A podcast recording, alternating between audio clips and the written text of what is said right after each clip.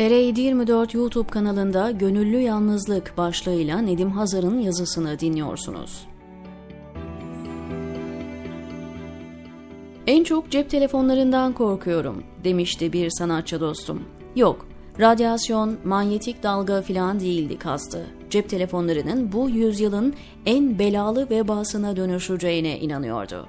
Başka bir sanatçı dostumla geçtiğimiz hafta yediğimiz yemekte bir kez daha kavradım durumun vahametini. Bir anda üzerinize gelen bir sürü insan ellerinde cep telefonları. Hastane, devlet dairesi, havaalanı fark etmiyor. Bekleme salonları başları önlerine eğik, ellerinde cep telefonu bir şeylerle uğraşan insanlarla dolu artık. Toplu taşımalardaki durumu hiç söylemiyorum zaten. Bilmem ki cep telefonlarının icadından sonra insanlardaki tırnak yeme alışkanlığı sona ermiş midir artık? Amerikan Başkanı Rutherford Hayes'e atfedilen bir söz var. Çok güzel buluşa benziyor ama Tanrı aşkına bunu kim niye kullanmak istesin ki diyor telefonu ilk gördüğünde. Bugünkü gelinen durumu bizzat cihazın mucidi bile tahmin etmemiştir sanırım.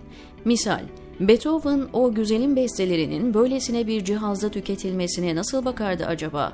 Hayat gittikçe ceplerimize küçücük bir cihazın içine doğru yöneliyor. Büyük bir ordunun fethi gibi ne varsa önüne katıyor, yaşamı hallaç pamuğu gibi savuruyor cep telefonları. Büyük bir kara delik gibi önüne ne gelirse yutuyor, içine alıyor. Yakın zaman önce telefonda yaşadığım bir sıkıntı için gitmiştim bir şirkete. Bana oraya boşuna gittiğimi, telefonla müracaat edilmesi gerektiğini gerektiğini söylediler. Ve biliyoruz artık gerçek insan bile çıkmıyor karşımıza bu tür hatlarda. Bilmem ne için bilmem kaça tuşlayınıza bağlanmış sorunlar. İnsanlarla olan iletişim bir süre sonra artık sadece bu kanaldan olacak belki. Müziği oradan dinliyoruz artık. Filmi oradan izliyoruz. Gazeteleri oradan okuyor, haberleri, dedikoduları oradan alıyor. Gündelik işlemlerimizin çoğunu cep telefonları üzerinden hallediyoruz. Para işleri, hal hatır işleri, yemek siparişleri, bilet alıp satmak, otobüse binmek, uçakla gitmek hep telefon üzerinden yapılıyor artık. Sanal mezarlık gördüm geçen gün bir arkadaşın telefonunda. Bahçesini cep telefonu aracılığıyla sulayanı gördüm inanın.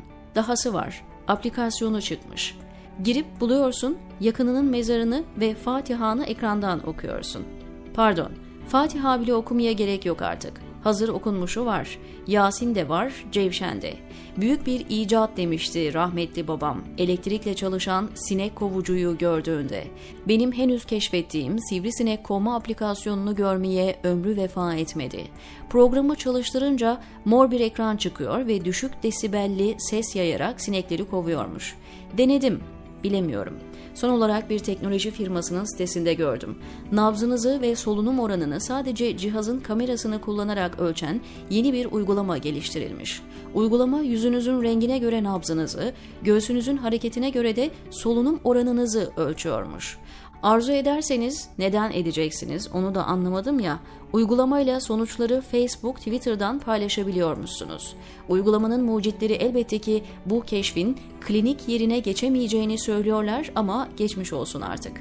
Eminim benim bilmediğim yüzlerce, binlerce daha ilginç ve hayatı oyun dışı bırakan uygulama vardır telefonlar için. Bilenler bilmeyenlere aktarır sanırım. Sakın yanlış anlaşılmasın.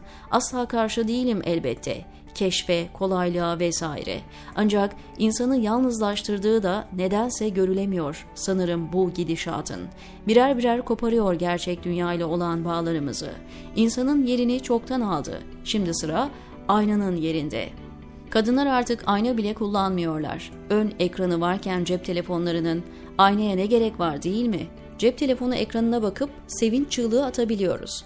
Aynı ekran ağlatabiliyor bizi ne bileyim. Sınav sonuçlarını oradan öğreniyor, ayrılık mesajını oradan alıyoruz. Beylik klişe, dünya küçülüyor lakin hayatı küçültüyor ve yalnızlaştırıyor. Yoksa bilmeden gönüllü esiri mi oluyoruz biz bunun? diyor Nedim Hazar TR724'deki köşesinde.